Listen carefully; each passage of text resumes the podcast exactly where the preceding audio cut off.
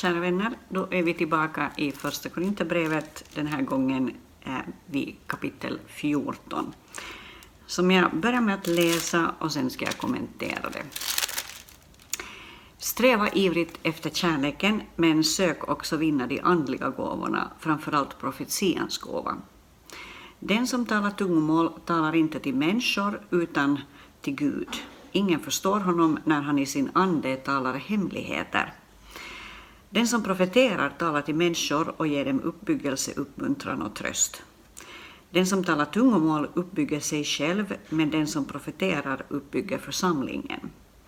Jag önskar att ni alla ska tala tungomål, men hellre att ni ska profetera. Den som profeterar är för mer än den som talar tungomål, om inte denne uttyder sitt tal så att församlingen blir uppbyggd. Anta, mina bröder, att jag kommer till er och talar tungomål. Vad hjälper det er om jag inte meddelar er någon uppenbarelse eller kunskap eller profetia eller undervisning? Även om livlösa instrument som flöjt eller harpa ger ljud ifrån sig, hur ska man kunna uppfatta vad som spelas om det inte är någon skillnad på tonerna? Och om en trumpet ger en otydlig signal, vem gör sig då redo till strid? Så är det även med er. Om ni inte i ert språk talar begripliga ord, hur ska man då kunna förstå vad ni säger? Ni kommer att tala ut i tomma luften. Hur många språk det än kan finnas i världen så är det ingen, inget ljud utan mening. Men om jag inte vet vad ljuden betyder blir jag en främling för den som talar och den som talar blir en främling för mig. Så är det också med er. Eftersom ni är ivriga att få Andens gåvor, sök då att i överflöd få sådana som uppbygger församlingen. Därför ska den som talar tungomål be om att kunna uttyda det. Ty om jag talar tungomål när jag ber, så ber min ande, men mitt förstånd bär ingen frukt. Vad innebär nu detta? Jo, jag vill be i anden och jag vill be med förståndet. Jag vill lovsjunga i anden och jag vill också lovsjunga med förståndet. Men om du tackar Gud i anden, hur ska då den som inget förstår kunna säga sitt amen till din tacksägelse? Han förstår ju inte vad du säger. Du gör rätt i att tacka Gud, men den andra blir inte uppbyggd. Jag tackar min Gud, jag talar tungomål mer än ni alla. Men i församlingen vill jag hellre tala fem ord med mitt förstånd för att undervisa andra än tiotusen i tungomål. Bröder, var inte barn till förståndet, var istället barn i fråga om ondskan och vuxna till förståndet. Det står skrivet i lagen, genom folk med främmande språk och främmande läppar ska jag tala till detta folk, och inte ens då ska de lyssna till mig, säger Herren. Så är tungomålstalen ett tecken, inte för dem som tror, utan för de otroende, under det att profetian är ett tecken, inte för de otroende, utan för dem som tror. Eh, om nu hela församlingen kommer tillsammans och alla talar tungomål och några som inte förstår eller inte tror kommer in, ska de då inte säga att ni är galna? Men om alla profeterar och en som inte tror eller förstår kommer in, då blir han avslöjad av alla och dömd av alla. Hans hjärtas, hans hjärtas hemligheter uppenbaras och han faller ner på sitt ansikte och tillber Gud och ropar, Gud är verkligen i er. Hur ska det då vara bröder? Jo, när ni samlas har var och en Eh, något att ge. En psalm, ett ord till undervisning, en uppenbarelse, ett tungotal och en uttydning. Låt allt bli till uppbyggelse. Om någon talar tungomål får två eller högst tre tala och då en i sänder och någon ska uttyda det. Men finns det ingen som uttyder ska den som talar tungomål tiga i församlingen och endast tala för sig själv och till Gud. Två eller tre profeter ska tala och den andra ska pröva det som sägs. Och de andra ska pröva det som sägs. Förlåt. Men om någon annan som sitter där får en uppenbarelse ska den förste tiga. Ni kan alla profetera en i sänder så att alla blir undervisade och alla blir tröstade. Och profeternas andar underordnar sig profeterna. Ty Gud är inte oordningens Gud utan fridens. Liksom kvinnorna tiger i de heligas alla församlingar ska de tiga i era församlingar. De får inte tala utan ska underordna sig som också lagen säger. Vill de veta något ska de fråga sina män där hemma. Ty det är en skam för en kvinna att tala i församlingen. Är det kanske från er Guds ord har gått ut, eller har det kommit bara till er? Om någon menar sig vara profet eller andligt utrustad ska han inse att det är skrivet i er är Herrens bud. Men om någon inte erkänner detta är han själv inte erkänd. Därför, mina bröder, var ivriga att profetera och hindra inte tungomålstalandet. Men låt allt ske på ett värdigt sätt och med ordning. Okej, okay. um, det här är ju ett kapitel då där Paulus uh, sätter ganska mycket krut på den profetiska gåvan och på tungotalets gåva. Sen säger han också någonting i allmänhet om ordningen vid gudstjänsterna och där kommer liksom lite andra gåvor också in i bilden. Eh, men främst handlar det om det profetiska och om tungotalet. Eh, och han börjar eh, med att säga, och det är översatt i den här versionen av Bibeln som jag har, alltså Svenska folkbibeln, eh, han börjar med att säga sträva ivrigt efter kärleken. Man kunde också översätta det till förfölj kärleken, alltså var så intresserade av kärleken att det blir ert allt. Och jag sa ganska mycket om det eh, när jag kommenterade det trettonde kapitlet och du kan gärna gå tillbaka till det och behöver egentligen gå tillbaka till det innan du hör det här för att du ska få en rätt bild av det. Paulus säger alltså förfölj kärleken eller sträva ivrigt efter kärleken och så säger han men sök också vinna de andliga gåvorna framför allt profetians gåvor. Eh, och det kunde också översättas till att var en selot för Andens gåvor, alltså var verkligen ivrig på eh, detta att få tag i Andens gåvor, eh, var en selot för det. Eh, sök också vinna de andliga gåvorna, framförallt profetians gåva. Han sätter ganska mycket krut på den profetiska gåvan och eh, jag ska försöka kommentera det lite. Först säger han om tungotalet så här att den som talar tungomål talar för det första inte till människor utan till Gud. Ingen förstår honom. I sin ande talar han hemligheter. Så han säger dels det att när man talar i tungor så talar man hemligheter. Eh, och det är ju ett intressant ord här, eh, ett, ett ord som visar på det att, att det inte är ett innehållslöst tal, det är inte ett oviktigt tal, eh, det handlar om hemligheter Eh, ingen förstår det. Eh, det ordet som används här är mysteria. Så det handlar om mysterier som han uttrycker alltså. Och, och det är någonting som sker mellan Gud och den som talar i tungor. Den som talar tungomål uppbygger sig själv, säger Paulus här, medan den som profeterar uppbygger församlingen. Och eh, så säger han intressant nog här i vers 5 att jag önskar att ni alla ska tala tungomål, men hellre att ni profeterar. Så han är definitivt för att så många som möjligt eh, använder sig av tungotalets gåva och ber om tungotalets gåva, men han är ännu mer intresserad av den profetiska gåvan därför att, och han säger det så här, att den som profeterar är för mer än den som talar tungomål om inte denne uttyder sitt tal så att församlingen kan bli uppbyggd. Så underförstått kunde vi säga så här att Paulus är definitivt ute efter det att församlingen ska bli uppbyggd. Det är syftet med nådegåvorna. Syftet är inget annat än detta att församlingen ska bli uppbyggd. Och han säger om den profetiska gåvan som, då, som han då liksom lyfter högre upp än tungotalsgåva, så säger han så här att, att den som eh, profeterar så talar till människor, eh, du hittar det i vers 3, ger dem uppbyggelse, uppmuntran och tröst. Så det är det man förmedlar genom profetiska tilltal, uppbyggelse, uppmuntran och tröst. Och det är någonting som uppbygger församlingen. Om den som talar i tungor dessutom kan uttyda sitt tal, eller det finns någon annan på plats som kan uttyda det som har sagts, så då kan människor också bli uppbyggda.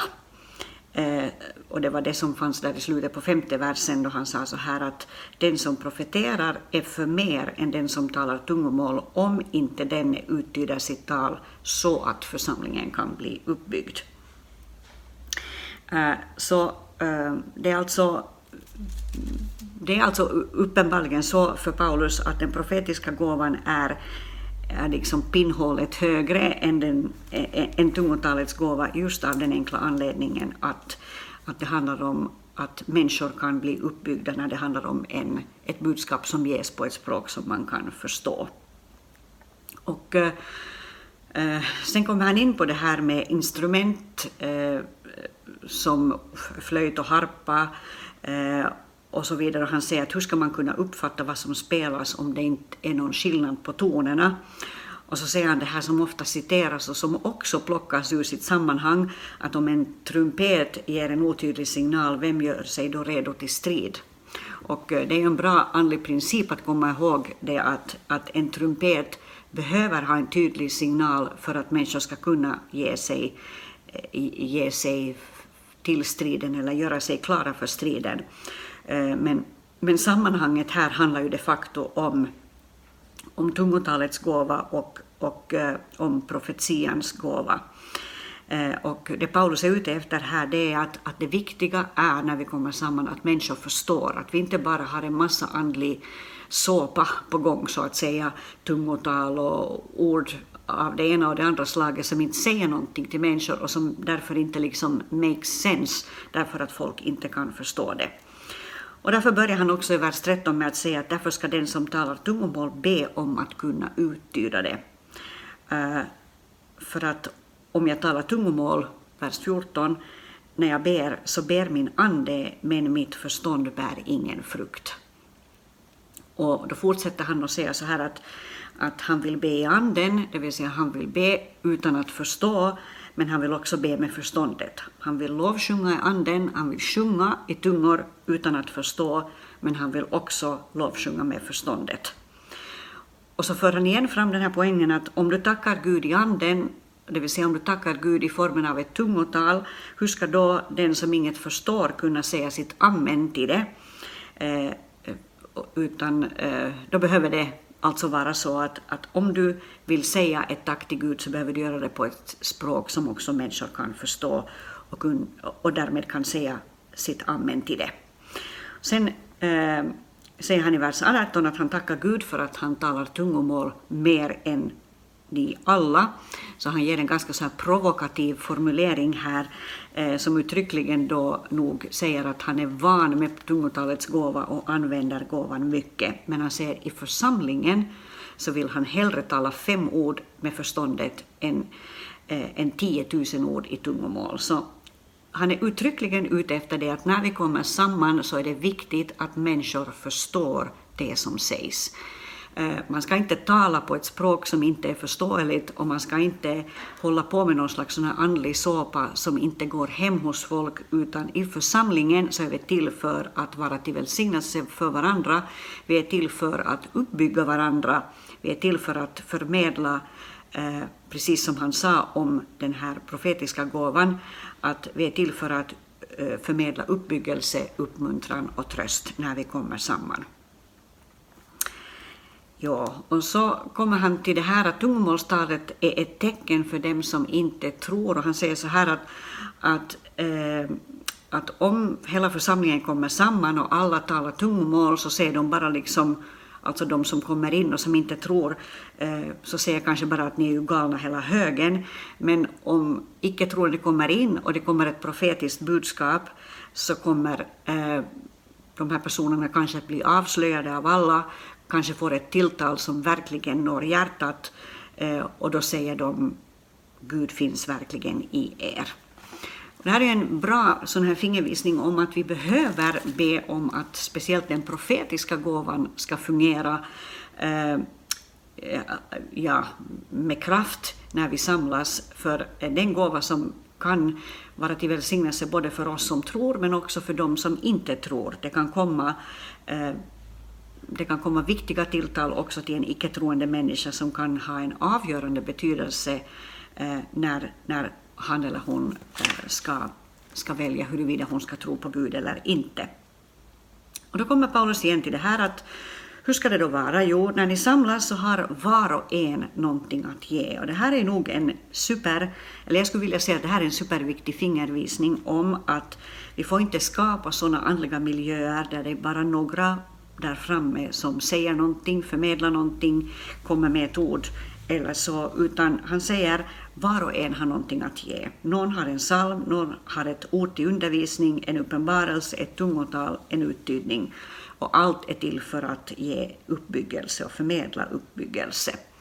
Eh, och det här skulle vi bra kunna sträva efter att se lite mera av, att skapa sådana miljöer där folk vågar dela mer och där det inte bara handlar om att det är de som vanligen brukar säga någonting som säger någonting, utan vi skapar och försöker skapa en miljö där det är lätt att våga ge uttryck för det man upplever att kommer från Gud och är tänkt att förmedlas till de andra. Eh, och det är uppbyggelsen de facto som Paulus är ute efter. Det understryker han på nytt här i vers 26. Och han säger igen då om tungotalet att om någon talar i tungor eh, så är det högst två eller tre som får tala och allt det ska översättas. Eh, och så säger han så här, och det tycker jag är intressant, att om, om det inte finns någon som uttyder Eh, om inte någon sån finns på plats ska den som talar tungomål tiga i församlingen och endast tala för sig själv och till Gud. Eh, och eh, det här kan man kanske ha lite olika åsikter om. Jag tänker så här att om man nu har ett praktiskt, om man har ett möte, en sån här praktisk situation där vi har ett möte och, och så har vi några människor där, eller kanske många människor där, som har en gåva att tala i tungor. Så då tänker jag att utifrån det här sammanhanget så kan de, om, om de inte vet att okej, okay, här finns någon som kan uttyda det, om, om det är helt eh, om det är ett frågetecken huruvida någon kan uttyda det, så kan de tala Eh, för sig själv och tala till Gud. Och det kan man göra eh, med en volym som inte stör andra, eh, med en volym som är en direkt signal om att okej, okay, det här är inget budskap som ska till församlingen, det här är någonting som sker mellan Gud och mig. Det är ju det som Paulus säger också här. Endast tala för sig själv och till Gud. Eh, och vi behöver inte göra något problem av sådana situationer att det måste uttydas. Om det är någonting som kommer i en så sakta form att det, det handlar om en låg volym av tungotal, då kan också det få förmedlas utan att det blir något problem av det. Om man stiger upp och liksom tar till orda och verkligen vill göra en, ett nummer av att okej, okay, nu har jag ett budskap och det, det är nog en skillnad på den typen av tungotal. Nu har jag ett budskap, det här är, det här är till församlingen. Då behöver man veta att okej, okay, jag har någon som kan uttyda det här också, därför vågar jag ta till orda på det sättet. Så det handlar om volym och det handlar om sättet att framföra det som sägs. Eh, och eh, så säger han så här, eh, två eller tre profeter ska tala och de andra ska pröva det som sägs. Och så säger han så här att om någon får en uppenbarelse så ska den förste tiga. Eh, och eh, det som han använde här som, som ord, eh, det var ordet apokalypt, väntas nu, apokalyptri. och det, det handlar alltså om en uppenbarelse av kunskap det stod så här att det handlar om, på engelska, revelation of great knowledge, alltså någon typ av uppenbarelse av kunskap, någonting som öppnar upp något som har varit eh, hidden, alltså varit eh, fördolt. Eh, och eh, någon sån här förklaring sa att det kunde handla om sån här end time scenarion, alltså någonting som gäller de sista tiderna och någonting som gäller eh, vad, vad, Gud ska göra i de sista tiderna. Att uppenbarelsen kan handla om det. Alltså uppenbarelse säger ju som ord att det handlar om att någonting som har varit fördolt öppnas. Och Paulus säger alltså här att om någon får en uppenbarelse så då, då kommer det liksom först eh, i ordningen. Eh, alltså först säger han att två eller tre profeter ska tala och så ska det prövas det som sägs. Eh, men om någon annan som sitter där får en uppenbarelse så då kommer liksom den biten först. Eh, så tydligen var det så att uppenbarelser var någonting som också var vanliga på den tiden. Jag har inte varit med om så många sammanhang där den här typen av uppenbarelser skulle ha förmedlats. Eh, men tydligen så var det som en, en del av det som pågick i urkyrkan, det att, att det kunde komma just sådana här ord som var på något sätt högre i rang än profetiska tilltal. Eh, oavsett så är det uppbyggelsen som Paulus är ute efter. Jag tänkte citera Kolosserbrevet 3 och 16 där han säger så här att låt Kristi ord rikligt bo bland er med all sin vishet, undervisa och förmana varandra med salmer, hymner och andliga sånger och sjung med tacksamhet Guds lov i era hjärtan. Och allt vad ni gör i ord eller handling, gör det i Herren Jesu namn och tacka Gud Fadern genom honom. Så det Paulus är ute efter här i Första Korinthierbrevet 14, det är att detsamma som han säger i Kolosserbrevet 3, vers 16, att Kristi ord eh, på de olika sätt som Kristi ord då kommer, att Kristi ord ska rikligt få bo hos oss med all sin vishet. Eh, att vi ska undervisa och förmana varandra på olika sätt. Det är det som han är ute efter här. Eh, han säger också någonting intressant om, om profeternas andar här i Första Korinthierbrevet 14, om vi går tillbaka dit. Han säger så här i vers 32, profeternas andar underordnar sig profeterna.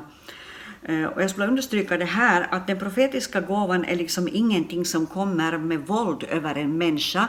Ibland har det hänt sig uh, i, i, tidigare, vad ska jag säga, jag kan komma ihåg från 80 och 90-talet och kanske lite senare än så också, att det ibland kändes eh, när jag var på några nå möten där något profetiskt tilltal kom, att det var som om den som profeterade skulle ha kommit över någonting som nästan tog tog tag i den personen med våld och liksom med våld förde fram det där ordet. Och eh, Paulus understryker här att profeternas andar underordnar sig profeterna.